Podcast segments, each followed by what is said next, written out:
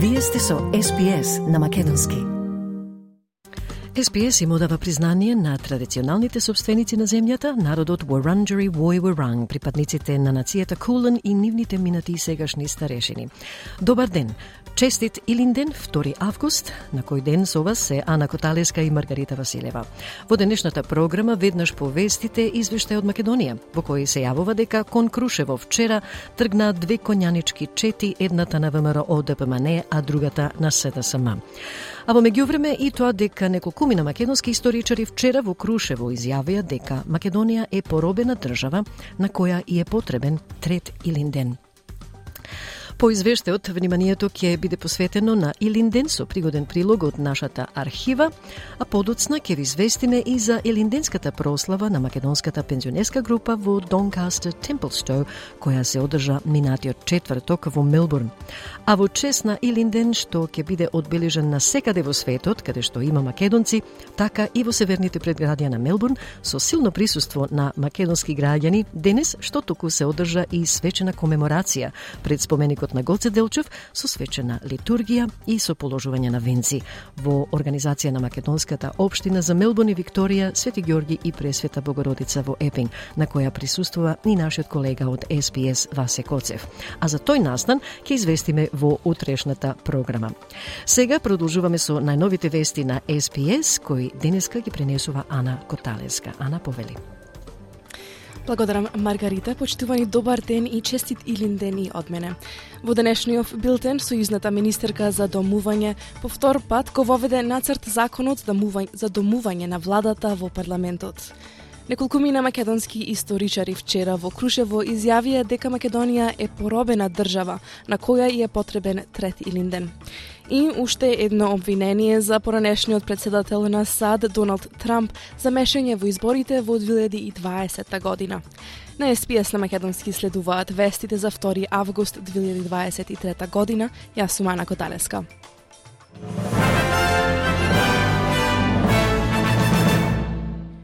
Министерката за домување Джули Колинс по втор пат го воведе нацрт законот за фондот наречен Housing Australia Future Fund, вреден 10 милиарди долари во долниот дом на парламентот.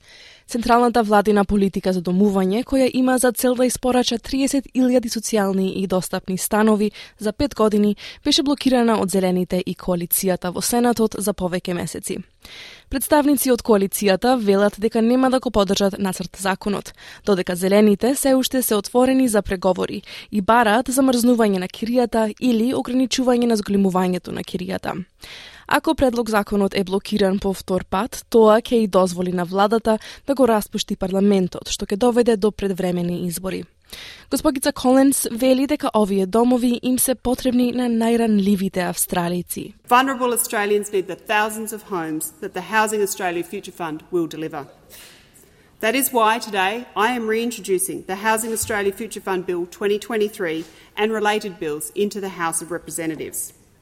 When I stood in this place many months ago to first introduce these bills, I said the Housing Australia Future Fund will be the start of an enduring promise from the Australian Government that more Australians will have a safe, affordable place to call home. Телото за безбедност на работното место на Викторија откри дека ставила крај на 37 лажни барања за компензација за повреди на работното место во текот на изминатата финансиска година Од регулаторот за безбедност WorkSafe велат дека заедно барањата би го чинеле телото над 20 милиони долари. Извршниот директор на WorkSafe Insurance, Роджер Арнолд, вели дека е горд на работата на WorkSafe во идентификување и гонење на оние кои се обидуваат да го искористат системот. Тој вели дека технологијата помака да се идентификуваат оние кои лажат на барањата, но честопати пријателите или семејствата се најдобри извори на The vast majority of injured workers absolutely do the right thing, but there's always a shifty few who think they'll get away with breaking the law. Advances in technology are making it easy to identify fraudsters. However, one of the best sources of information are people who are disgusted with illegal behaviour. Often it's a friend, a family member, or a colleague who provides us with information. Австралискиот образовен синдикат започна кампања за целосно финансирање на јавните училишта во следните пет години. Кампањата, именувана За секое дете, ја повикува сојузната влада да се заложи за поголеми финансиски придонеси и временска рамка за целосно финансирање до 2028 година. Председателката на Австралискиот образовен сојуз Корина Хейторп вели дека 98% од државните училишта се финансирани под стандардот за училишни ресурси. Таа вели дека реалноста е дека без финансирање државните училишта ја немаат поддршката што им е потребна, а тоа влијае врз животите на учениците, наставниците и директорите низ целата земја.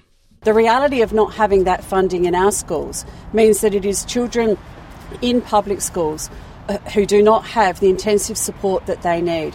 It is the teachers and principals across the nation who are experiencing escalating and unsustainable workloads and indeed workforce shortages. So we know the importance of investing in public schools. It changes lives. It changes the lives of our students and it changes the lives of teachers uh, and principals right across the nation. Премиерот Антони Албанезе ја отфрли можноста Комонвелтот да преговара за договор со домородните нации во текот на секашниот мандат, доколку успее референдумот за домороден глас во парламентот. По победата на минатогодишните сојузни избори, премиерот се обврза целосно да ја спроведе декларацијата Улуру од срце, која повикува на право на глас во парламентот, а потоа договори и кажување на вистината на австралиската историја. Запрашан дали ќе се заложи за договор овој термин доколку референдумот е успешен, господин Албанезе изјави за ABC дека неколку држави и територии веќе го започнаа тој процес. A treaty is uh, currently uh, being negotiated in uh, Queensland uh, with legislation that was passed by the LNP and the Labor Party, by the way, with bipartisan support uh, from Peter Dutton's LNP uh, in Victoria and in the Northern Territory. So those processes uh, are, are occurring. It's like saying, do you do you support the sun coming up? It's occurring. Резервната банка истакна дека не ги зголемила каматните стапки за да ја одржи ниската стапка на невработеност, која остана на 3,5% во последното тромесечие. Но истовремено банката прогнозира дека стапката на невработеност постепено ќе се зголеми до околу 4,5% до крајот на следната година. Тоа доаѓа по вчерашната најава на Резервната банка дека овој месец каматните стапки остануваат непроменети. Владата се обидува да ги зголеми социјалните исплати, вклучително и оние за баратели на работа, за да им помогне на луѓето кои ќе бараат помош од Centrelink. Економистот Крис Ричардсон вели дека зголемените исплати ќе им помогнат на поголемиот број луѓе кои се очекува да бараат помош од Centrelink. It's been relatively good news on inflation in Australia, around the world in the last handful of months. It's starting to look as if economies won't slow all that much as they bring inflation under control. But chances are, yes, unemployment does go up from here. That higher unemployment uh, benefit, long overdue, not enough, uh, but very welcome. Во Крушево по повод Илинден во организација на Матицата на иселениците на Македонија, а поддржана од неколку општини, вчера се одржа научна трибина на која видни имиња од македонската историска наука тврде дека во теке обид за комплетно негирање на македонската научна мисла и македонската национална меморија, Отсутност на државата од достојно одбележување на двата Илиндена, како и дека активно се работи на негирање на македонската историја историја. Една од представниците го рече следново. Пак ние па научниците сакаме исто така да се спротиставиме на она што го пишува во договорот од 2017 година за едничка историја. Македонскиот народ создаваше своја историја, бугарскиот народ создаваше своја историја. И ние секогаш ќе ја проучуваме македонската историја, а македонскиот народ секогаш ќе се сеќава на својата колективна меморија, на своите предци, Председателот на Ману Лјупчо Коцарев истакна дека денес Македонија е повторно поробена држава на која и е потребен трет Илинден. На научната трибина зборуваа и македонци од Бугарија за репресиите што ги трпат со децении, а немаат никаква помош од Македонија. Во рамките на научната трибина се одржа и изложба со наслов Илинден во иселеничкиот печат. И поранешниот председател на Соединетите Американски држави Доналд Трамп е обвинет за трето кривично дело покренато против него во 4 месеци. Овој пат во врска со неговите напори да ги поништи резултатите од председателските избори во 2020 година. Во обвинението се, надев, се наведува дека господин Трамп заговарал да ги измами САД со тоа што го спречил Конгресот да ја потврди победата на председателот Џо Бајден и да ги лиши гласачите од нивното право на фер избори. На поранешниот председател му е наредено да се појави пред федерален судија во Вашингтон оваа недела. Специјалниот советник на Министерството за правда Джак Смит вели дека одделот останал посветен одговорните одговараат за немирите на 6 јануари. The attack on our nation's capital on January 6, 2021, was an unprecedented assault on the seat of American democracy. As described in the indictment, it was fueled by lies. Lies by the defendant targeted at obstructing a bedrock function of the U.S. government, the nation's process of collecting, counting, and certifying the results of the presidential election. Представници од председателската кампања на Трамп велат дека тој од секогаш го следел законот и обвинението го карактеризираат како политички прогон кој подсетува на нацистичка Германија.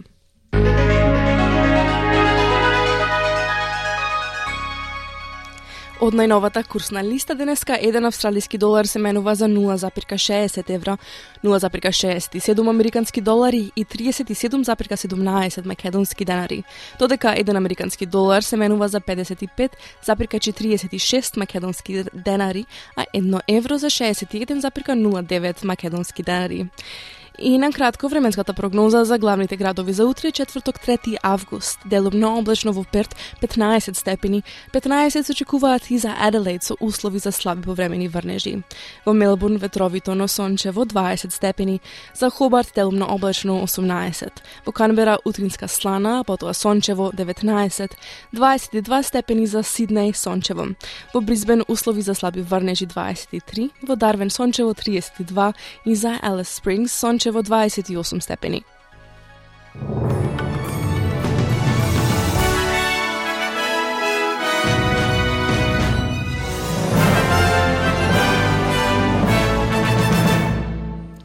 Благодарам Ана, денешниот билтен вести на СПС со Ана Коталеска ќе биде достапен на нашите веб и фейсбук страници малку подоцна во денот, заедно со комплетната програма секој ден после емисијата. На СПС со вас се Ана Коталеска и Маргарита Василева. Продолжуваме со куси промотивни пораки пред да го свртиме вниманието на настанете во Македонија и на Илинден. Слушајте не. Ја следите програмата на SPS на Македонски денеска со вас е Ана Коталеска. Наред извештајот од Македонија во кој ќе слушнете дека македонскиот народ денеска ја слави 120 годишнината од Илинденското востание. Кон Крушево вчера тргнаа две конјанички чети, една на ВМРО ДПМН, а другата на СДСМ. Неколкумина македонски историчари вчера во Крушево изјавија дека Македонија е поробена држава на која е потребен трети Илинден.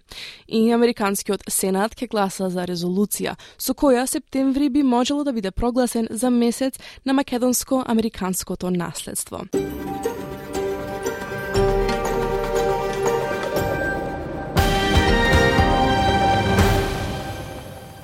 Македонскиот народ денеска го слави големиот празник Илинден, односно 120 годишнината од Илинденското востание од 1903 година за ослободување од турското робство и за своја независност.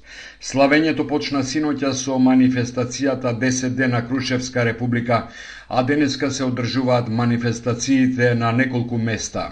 Председателот на Собранието Талат Джафери ќе се обрати на Мечкин Камен, председателот Стево Пендаровски во Пелинце, пред мемориалниот центар на Асном, а премиерот Димитар Ковачевски во Скопје.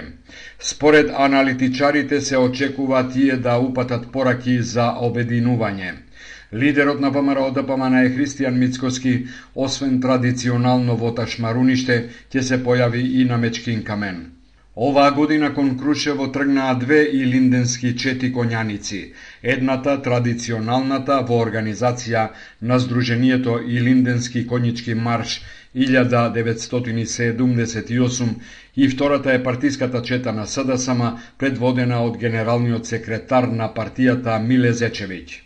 Во Крушево по повод Илинден во организација на Матицата на иселениците на Македонија, а поддржана од неколку општини, вчера се одржа научна трибина на која видни имиња од македонската историска наука тврдеа дека во тек е обид за комплетно негирање на македонската научна мисла и на македонската национална меморија, одсутност на државата од достојно одбележување на двата Илиндена, како и дека активно се работи на негирање на македонската историја.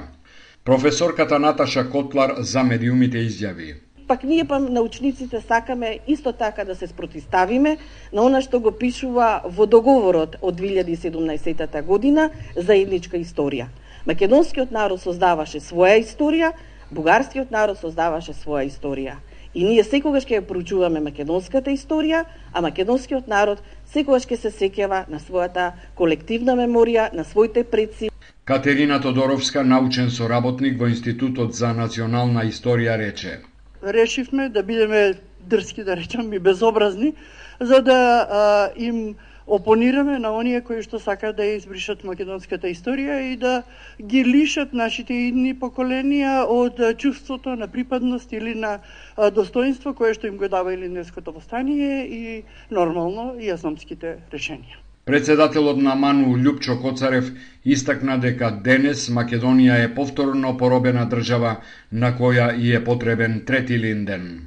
Македонија е повторно поробена земја. Протекторат, вазал, банана држава, не, неоколонијален феуд, а за тоа исклучиво се виновни дел од македонските политичари кои во минатите 30 на години, подржувајќи лукративни, сервилни и недостоинствени форми на владење, поточно би рекол дивење, ја трансформираа Македонија од слободна земја во поробена земја. На научната трибина зборуваа и македонци од Бугарија за репресиите што ги трпат со децении, а немаат никаква поддршка од Македонија. Стојан Герасимов, македонец од Пиринска Македонија, рече. Еве ќе ви плаќаме сично, но нема да ви регистрираме. Значи, те се согласни да плащат пресудите против нив, но не да не регистрират македонци. Во рамките на научната трибина се одржа и изложба со наслов Илинден во иселеничкиот печат. Американскиот сенат ќе гласа за резолуција со која септември би можело да биде прогласен за месец на македонско-американското наследство. Резолуцијата ја поднел републиканскиот сенатор од Индијана Майк Брон, а со неа треба да се истакнат клучните придонеси и културното влијание на македонските американци во САД. Резолуцијата доаѓа на барање на обединетата македонска диаспора. Мето Колоски, председател на ОМД, за медиумите ја даде следнава изјава. Ова резолуција го признава македонскиот јазик, идентитет, култура и историја на македонците кои живеат во САД. Токму септември е избран едно поради тоа што е ден на независноста на Република Македонија, но второ повеќето македонски фестивали во диаспората се случува токму во а, во септември месец. Колоски вели дека сега, откако Сенатот ќе гласа за резолуцијата, ќе мора да се работи на продлабочување на односите меѓу Скопје и Вашингтон. Тој вели дека ова е прв чекор македонците да добијат повеќе права во САД Та треба и Америка да, да да ни овозможи без а, а, визи, нели, три месеци како што прават а, за други држави во во Балканот, Хрватска го доби пре неколку години. Така да тука е улогата на ОМАДА. ОМАДА работи за лобирање за да се подлабучува тие врски. Оваа резолуција ја поздравија и власта и опозицијата, но и двете партии си ја припишуваат заслугата на своја адреса. СДСМ во писмената реакција вели Резолуцијата во Американскиот сенат да се слават македонскиот јазик, културата и историјата е уште една потврда за успешноста на меѓународната политика на СДСМ и признание на конструктивната улога на македонците во градењето на американското општество, се вели во дописот на СДСМ. Поддршка за резолуцијата дојде и од ВМРО ДПМНЕ. Портпаролот на партијата Наум Стојуковски на пресконференција рече Како ВМРО ДПМНЕ даваме безрезервна поддршка на оваа резолуција. Значајно е тоа што стратешките партнери имаат разбирање за македонскиот народ и нивната посебност и многу е важно ова прашање, прашање да добие што поширока поддршка Во САД, според проценките на ОМАДА, живеат околу половина милиона американци со македонско потекло. Пред повеќе од еден месец, резолуција со која се дава поддршка на европската иднина на Македонија, но и признание на македонската култура, идентитетот и јазикот, донесе и германскиот Бундестаг. Министрите од редовите на ДУИ вчера до премиерот Ковачевски ги поднесоа своите најавени оставки како одговор на, како што се вели во оставките, непристојниот услов на опозицијата да гласа за уставни измени. Во текстот на оставките се замолува премиерот тие да бидат активирани во моментот кога опозицијата ќе гласа за предложените уставни измени и кога тие ќе стапат на сила. СДСМ и вчера побара од Мицкоски да ги прифати промените во Уставот, бидејќи биле исполнети сите услови што ги побарал на лидерската средба во мај. Ненад Коцич, пратеник на СДСМ, на пресконференција рече. Се исполнува условот на Мицкоски за учество во влада без ДУИ, а предвремени избори можат да се одржат веднаш откако измените на Уставот ќе бидат изгласани. Мицкоски има шанса макар еднаш да се престрои на страна на државните и националните интереси. ВМРО ДПМН пак тврди дека додека ДУИ нуди оставки, нејзе блиски фирми добиваат тендери. Портпаролот Стоилковски на оваа тема рече. Омилената агенција Натан Груби е наградена со нови 100.000 евро од буџетот. Лани во агенцијата завршиле над 3 милиони евро. Па прашуваме, колку коли за комшиите на Артан Груби може да се купат со тие пари? Ова е доказ дека оставките се фолирање кое што не можат да го покријат криминалот. Во Уставот и во Собранискиот деловник не постои термин условена оставка. Првата седмица за уставни измени е закажана за 18 август, но власта веќе најави дека по завршувањето на расправата има можност гласањето да се одложи ако нема сигурни 80 пратеници што ќе гласаат за.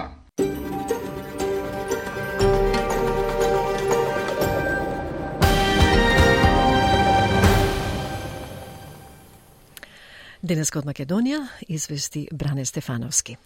Почитувани, пред да се осврнеме на останатите содржини, би сакала да ве поканам да ја посетите нашата Facebook страница SPS Macedonian или нашата веб страница sps.com.au косацртичка Macedonian.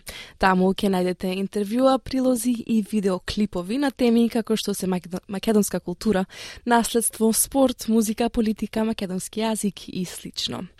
По неколку музички минути и песната Слушам кај шумат шумите во изведба на Next Time, а потоа куси промотивни пораки од SPS, ќе се осврнеме на историјата и значењето на денешниот голем национален празник Илинден. Останете со нас. Ја следите програмата на СВС на Македонски за 2 август. Денешниот ден е прославуван како еден од најзначајните датуми во македонската историја, кога се поставени темелите на создавањето на самостојна македонска држава. На денот на Свети Илија на 2 август 1903 започнало Илинденското востание, а во 1944 година е одржано првото заседание на антифашистичкото собрание на Народното ослободување на Македонија, односно АСНО. Илинденската традиција е испреплетена со патриотски, фолклорни и религиски символи и затоа Илинден е еден од најважните македонски празници. По тој повод, во наредниве минути да се осврнеме на историјата и суштината на Илинденското востание во прилогот од нашата архива што го подготви колешката Маја Талевска. SBS Radio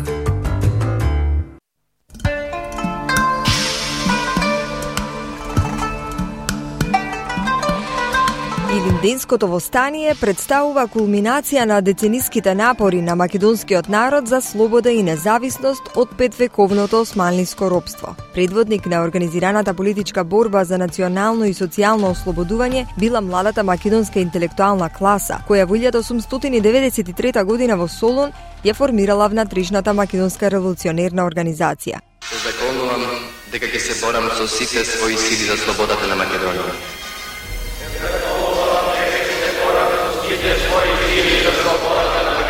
дека ќе го дадам својот живот ако треба во борбата за целите на организацијата.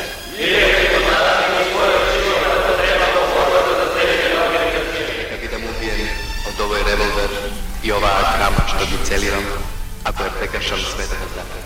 Со тоа, борбата за ослободување и автономија добила јасна платформа, а народот почнал да се подготвува за сеопшто востание. Биле отворени вечерни училишта, се држале неделни предавања во селата. Биле забранети претераните свадбени гозби кои материјално ги истоштувале новите семејства, се давале упатства за градба на живеалишта. Народот забрзано се вооружувал, се создале бројни вооружени чети. Одлуката за кревање на општонародно востание е донесена на 3 мај 1903 година на Смилевскиот окружен конгрес со кој председавал Даме Груев.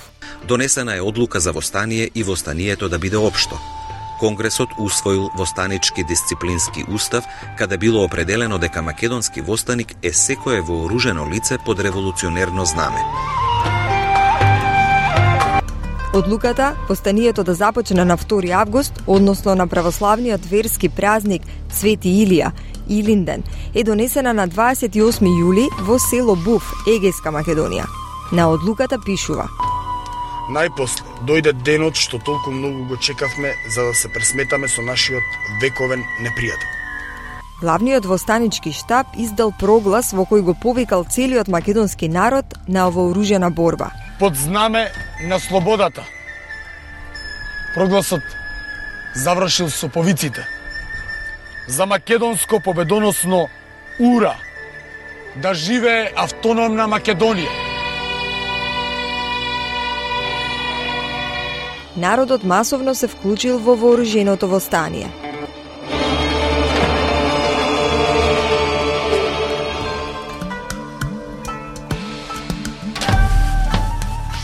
Денот на востанието бил апсолутна тајна за турската власт. Ниеден од прогласите што биле растурени од страна на многобројните курири по селата не паднал враце на тогашната власт. Согласно со планот, во текот на предвечерината на Илинден, биле урнати телеграфските столбови и мостовите на важните патишта, биле запалени беговските кули, бил извршен напад на касарните во некои села и градови, а селата исчистени од разбойници. На 2 август, Сите 10 востанички штабови предводени од војводите што ги следеле наредбите на главниот штаб, ги започнале борбените дејства со напад на османиските воени гарнизони и другите воени објекти на османлиската држава во Македонија. На денот на востанието, уште во раните утрински часови, жените и децата биле упатени кон планините каде што била сместена храната за востаниците и населението. Биле отворени кујни, како и работилници за поправка на оружјето и изработка на муниција. Крушевскиот востанички штаб, предводен од Никола Карев, писмено му се обратил на населението. Денес, целата Крушевска околија, заедно со цела Македонија, крева востание. Чекаме ноќе, за да дојдеме и да го заземеме Крушево, та заедно со целиот народ да го извикаме победоносното македонско Ура! Бог и правото е со нас. Да живее Македонија.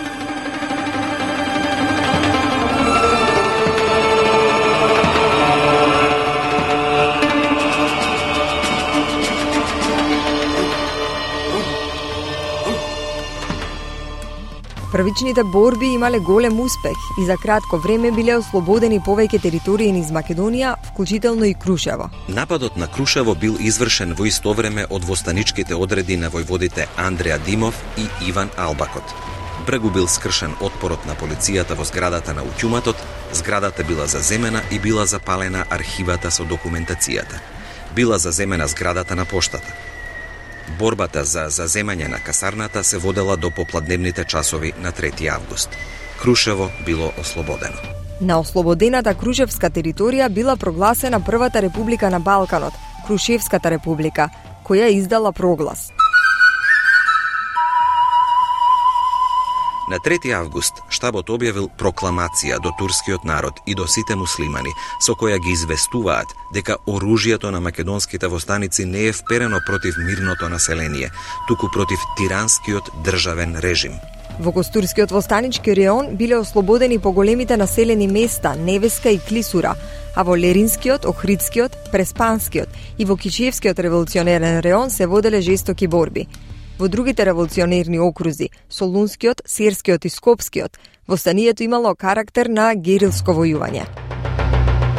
Прогресивно замислената Крушевска република имала краток рок на траење. По 10 дена и по повеќе обиди за совладување, организираниот 18.000 турски аскер го нападнал Крушево, пошто на местноста вика на Мечкин камен се одиграла една од најдраматичните битки во македонската национална историја. Востаниците предводени од војводата Питу Гули дале силен отпор. Саррисан од сите страни, без муниција и многубројни ранети, Питу Гули со неколкумина преживеани соборци со последниот куршум си го одземаат животот за да не паднат живи во рацете на османлиите. Војводо, од сите страни сме обколени. Од четата не остана ниту еден куршум. Само ние ли останавме?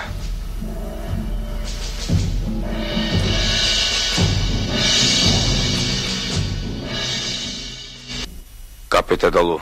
Наполнете ги пушките. Нишани.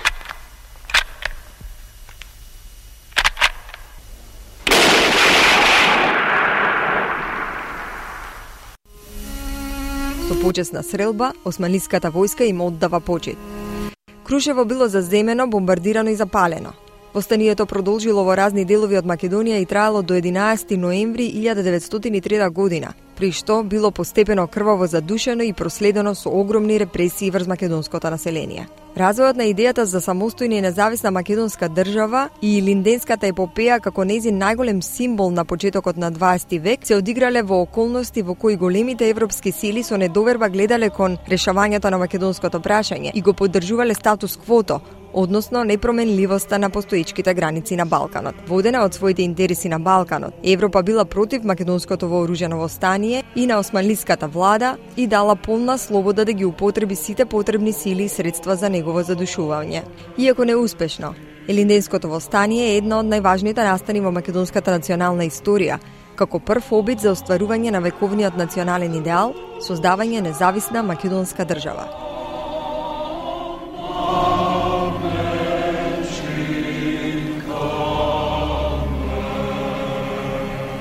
Počasna strelba za herojte. Ogan!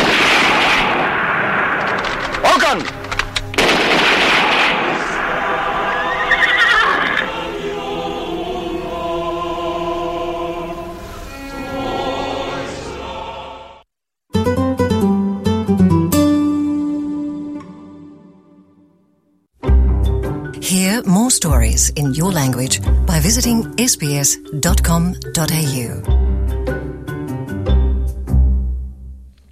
Слушавте прилог посветен на Илинден од нашата архива. Утре ќе пренесеме дел од атмосферата на денешната комеморативна служба на Илинден пред споменикот на Гоце Делчев кај црквата Свети Ѓорги и Пресвета Богородица во Епин, каде се одржа свечена литургија по повод Илинден и за која ќе извести Васе Коцев. Така. За прашања или коментари во меѓувреме за било кој дел од програмата, оставете порака или пратете ни порака на Facebook SPS Macedonian и ние ве ќе ве контактираме. Останете со нас.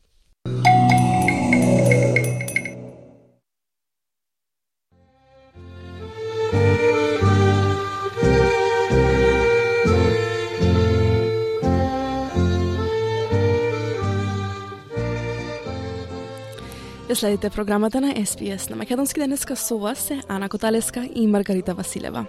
Како што известивме на почетокот на програмата, македонската пензионерска група во Донкастер Темплстоу, чија председателка е Ана Еминагова, го прослави Илинден минатиот четврток во Мелбурн.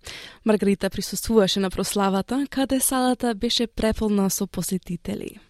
Да, Ана, господјата Еминагова ги поздрави сите присутни кои дојдоа да го прослават големиот македонски празник Илинден минатиот четврток во просторите на Венето клуб во Булеин, потенцирајќи дека успехот на денот се должи на работата на комисијата на пензионерската група за Донкаст Темплстор, како и на присуството на сите гости, пријатели кои потекнуваат од разни земји во светот што ја збогати прославата со својот мултикултурен карактер. Така, Ана или Сика Минагова, како што многу мина ја познаваат, присутните ги подсети за значењето на Илинден и 120-тата годишнина од 2 август 1903 година. Важен и значаен ден во македонската историја, како и верски празник Свети Илија.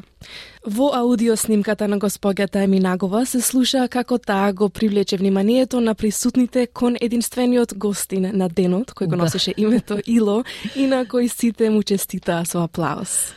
Да, Сика во својот познат стил на шегување, Ана, навести преку микрофонот дека после прославата сите ќе појдат дома кај Ило во Рингвуд да ги части по повод именденот. Председателката продолжи со својот краток говор, потенцирајќи дека оваа среда на 2 август македонците во Австралија и ширум светот ќе ја одбележат 120 годишнината на Илинден. На овој ден, рече таа, македонскиот културен идентитет го запали пламенот што го започна отпорот за ставање крај на османлиската окупација на Македонија. Таа ја даде првата република на Балканот. Востанието започнало во различни области на Македонија со жесток интензитет и во Крушево била воспоставена републиката. За жал, изјави Еминагова, тоа траеше само кус период од 10 дена, во кој голем број македонци паднаа жртва. Понатаму председателката Сека Еминагова рече дека Илинден беше светла светлина за новата генерација македонци, за децени подоцна со непоколеблива верба во таа мисија, тој стремеш да резултира во независна Република Македонија во 1991 година. Председателката Еминагова пред својата насобрана публика децидно изјави дека македонците постоеле повеќе илјади години и ќе продолжат да екзистираат за уште многу илјади години. Добар ден, good afternoon and welcome. My name is Anna Aminagov and I'm the president of the Macedonian Senior Citizens Group of Doncaster and Templestowe. I'm honoured to be representing the Macedonian Senior Citizens Group and thank you to everyone here today for coming. Today we're celebrating our very special 120 years anniversary since the 2nd of August 1903. It is a significant and memorable day in the history of Macedonia, and also it is a significant and religious day today of Saint Ilya. And we've got an Ilo there, Ilo Mosef, can you stand up? It's his name day today. And we're all going back to his place for drinks. We're all coming to Ringwood. This Wednesday, the 2nd of August, Ilinden will be celebrated by Macedonians in Australia and all over the world. On this day, the Macedonian cultural identity ignited the flames that started the resistance to end Ottoman occupation of Macedonia and gave birth to the First Republic of the Balkans. The uprising began in various regions of Macedonia with ferocious intensity and the government of the Republic was established in Krushevo. It's a beautiful place, Krushevo, Unfortunately, it only lasted for a short period of 10 days. Illington was the bright light for a new generation of Macedonians to only hope and to pursue the creation of an independent state for the Macedonian people. Decades later, with unwavering belief in that mission, the pursuit resulted with the independence of the Republic of Macedonia in 1991. We have existed for thousands of years and we will be on this earth for a further thousands of years. That is our birth name. The Macedonian tradition is when you are born, you are given just one name, and this is our name, Macedonia. The EU know very well, we will never accept and we will never be North Macedonia. All, all we want from the state and federal governments and the hospitals that we all visit to record on their systems when they ask us, What is your place of birth? We don't want to be told, and I have been told personally, we, we come under something else. We are Macedonian and we're all Australian. I wish everyone here today to have a great time and enjoy the Macedonian culture with traditional dancing and singing, and please join us in dancing. Тоа беше главниот дел од говорот на Ана или Сика А Ана минато неделната и линденска прослава во италијанскиот клуб Венето во Болин, како и вообичаено присуствуваа поканети гости, меѓу кои и Кит Wallahan, федералниот пратеник за седиштето на Мензис, под кое припаѓа општината на Манингем, покровител на пензионерската група во Донкастер Темплстоу. How you find collaborating with not just the Macedonian community, but with your constituents. We learnt a lot about Australia in the last census, and one of the things that stood out was that we are now a majority migrant nation. So more than 50% of Australians have first or second generation migrant lineage. In Menzies, in my seat, it's 70% and I myself am a migrant. I wasn't born here, and and it's it's not easy. But I think there's many different ways to communicate. Uh, I've got many of my staff speak multiple languages, including two a Macedonian background, and um, but it's also people like uh, Anna Menigov who run uh, clubs like this, and so coming and turning up and listening to people and talking to them, especially on a day as significant as this, I think that's the most important thing. Each seat would probably have a community that's settled there more than others. So uh, there's a strong Macedonian community here in Menzies. Um, there's also many others. There's a strong Persian community, and there's, there's Chinese communities, very large, the third largest in Australia. Uh, so g- generally, there's usually between five and ten communities that dominate an area. Um, but obviously, every seat has a wide variety of uh, different backgrounds. And do you have different strategies or different ways of approaching each of the different and varying communities? I, do. Um, you you learn a lot as you go. So there's some communities that it's better to communicate with direct letters in multilingual letters. Um, there's some if they're younger, uh, digital media is better. So for example, the Persian community is very young, and uh, especially with what's been happening in Iran with Masa Amini, I find Instagram and Twitter are more useful. But then communities that have been here for a, a fair bit longer, uh, it's turning up in person and things in their letterbox that matters. And how have you found your collaboration with the Macedonian community here in uh, Menzies? It's a wonderful community. I'm, I'm very privileged to have visited Macedonia when uh, I was a, a, young student, and I fell in love with it. It's uh, it's, it's it's it's just beautiful landscape, beautiful people, and um, and I was really inspired by the, the, history. And obviously, there's been struggles in the past that people have dealt with, um, but then the community here, I've um, I'm very they're a very proud community, and, and they have very reason to be proud. And so um, I'll always be a friend for for this community here in Menzies. Да, Ана, во дискусија со него, со пратеникот Кейт Уолахан, тој наведе неколку точки кои на него и на другите пратеници им помага да научат нешто повеќе за заедниците на кои што им служат во нивните изборни единици. Господинот Молахан подсети дека научивме многу за Австралија од последниот попис, а една од работите што се издвојува е тоа што сега земјата е мнозинска мигрантска нација. Токму така, Марга, тој рече дека повеќе од 50% од австралиците имаат мигрантско потекло во Австралија. Во неговата изборна единица на Мензис, таа бројка е 70%. Пратеникот Уолахен истакна дека и тој е мигрант. Тој потенцираше дека не е секогаш лесно да се комуницира со различните етнички групи, но дека има многу различни начини за комуникација. Голем број од неговиот вработен персонал зборуваат повеќе јазици, вклучително и двете лица со македонско потекло, но и луѓе како Ана Еминагова кои водат вакви клубови. Да, за пратеникот Уолахен многу е важно да се ислушаат луѓето и да се разговара со нив, особено на толку значаен ден како Илинден потенцираше тој што тој го смета како најважното нешто. Секоја изборна единица поседува заедница кои се населиле таму во поголем број од други заедници, како на пример има силна македонска заедница во изборната единица на Мензис, а има и многу други. Тој рече дека има силна перзиска заедница, исто и силна кинеска заедница. Пратеникот Уолахан истакна дека има околу 5 до 10 заедници кои доминираат во една област, но очигледно секое сетиште има широк спектар на различни потекла. Да, на прашањето дали Кит Уолахен има различни стратегии на пристап за различните заедници, тој изјави дека од негово искуство тој научил дека има некои заедници кои комуницираат на директен начин, како на пример персиската заедница, која е многу млада и особено со ситуацијата која што се одвива во Иран со Махса Амини. Тој смета дека Инстаграм и Твитер се покорисни, но тоа се разликува со заедниците кои се тука подолго време. За тие заедници важно е да се појави лич лично и да ги достави неговите информации директно во нивните поштенски кутии. Да.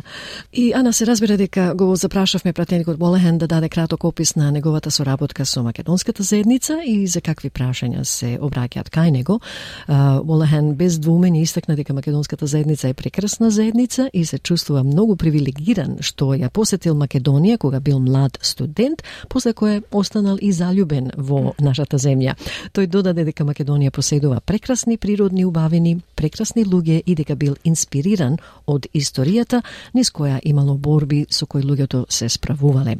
Пратеникот Уолахан рече дека заедницата овде е многу горда заедница и има повеќе причини за што да се горде и поради тоа тој секогаш ќе биде пријател на македонската заедница во Мензиз. Да, и го прашавме господин Уолахан со какви прашања се обраќаат членови на македонската заедница. Господин Волахен рече дека прашањата кои се важни за македонската заедница се важни за сите австралици, по кое тој се осврнува на делот од говорот на Ана Еминагова, во кој таа покани членови на спасувачките служби на Викторија, на кои им се заблагодари на овие службеници, волонтери и персоналот на службите за итни случаи, што се дел од нормалните проблеми со кои се соочуваат сите. На крајот, пратеникот Уолахан смета дека едно од најважните нешта за македонската заедница е таа да биде видлива и да биде сослушана. А тоа, потенцираше Волахан, е она што сите во секоја заедница го заслужуваат и за кое копнеат. Тој се надева дека настаните како Илинденската прослава ќе придонесат кон тоа. And what sorts of issues do the, does the Macedonian community come to you with? The issues that are important to the Macedonian community are important to all Australians. So you, you would have heard Anna speak about being proud of our volunteers and emergency service personnel. Um, there's all the normal cost of living issues that everyone's facing. But I think unique to the Macedonian community is to be seen and to be heard. And, and that's what all of us in every community deserves and, and craves. And, and, uh, and, and I hope there's more of that. And I hope events like this will contribute to it.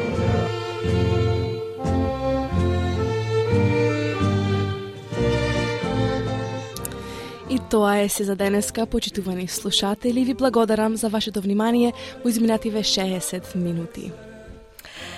Да, се надеваме дека ја збогативме линденската атмосфера за нашите слушатели денеска. Ана. Честит празник од целата редакција на SPS на Македонски. Ви очекуваме и утре напладне од Ана Коталеска и Маргарита Василева. Пријатно и линденско попладне. Стиснете, ми се допаѓа, споделете, коментирајте. Следете ја SPS на Македонски на Facebook.